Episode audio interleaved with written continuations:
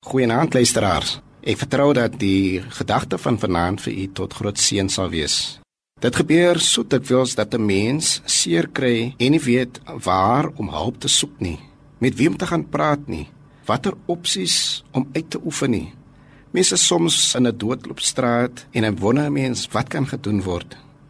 Die dilemma is soms dat jy sien iemand het hulp nodig en is van raad verleë maar jy weet nie of jy die raad mag gee nie. Of jy gee die mens goeie raad met goeie bedoelings en dan dan word dit totaal verwerp. Dan word daar aanstoot gegee.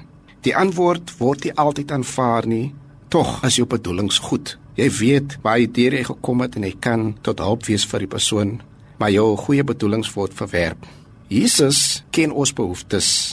Hy ken ons behoeftes die beste. Maar jy weet, soms word hy ook verwerp wanneer hy in sy woord uit aan ons goeie raad wil gee. Wanneer hy ons lewensgang wil verander tot beste. Wanneer hy uit sy woord uit vir ons inligting bekendstel wat vir ons uit 'n omstandigheid kan uitlei na die beter. Hy kan ten beste vertroos. Sy raad hou aan en dit hou ons uit die kwaad. Hy bring vrede, dis wat die woord beloof. Tog is dit so dat daar baie gelowiges is wat by tye eenvoudig net nie die raad aanvaar nie, wat twyfel. Maar die wat na Jesus luister, word gewoonlik gehelp, is vertroos en word geanker.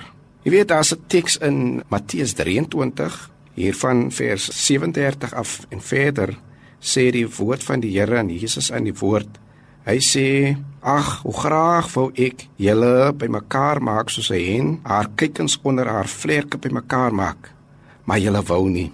Dit klink bietjie hartseer. Nou soms hoe dat ons met Jesus maak, maar vanaand wil ek aanmoedig.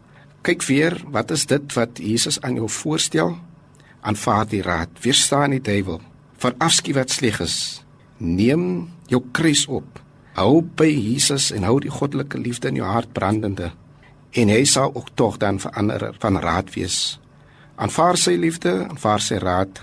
Hy help jou. Amen.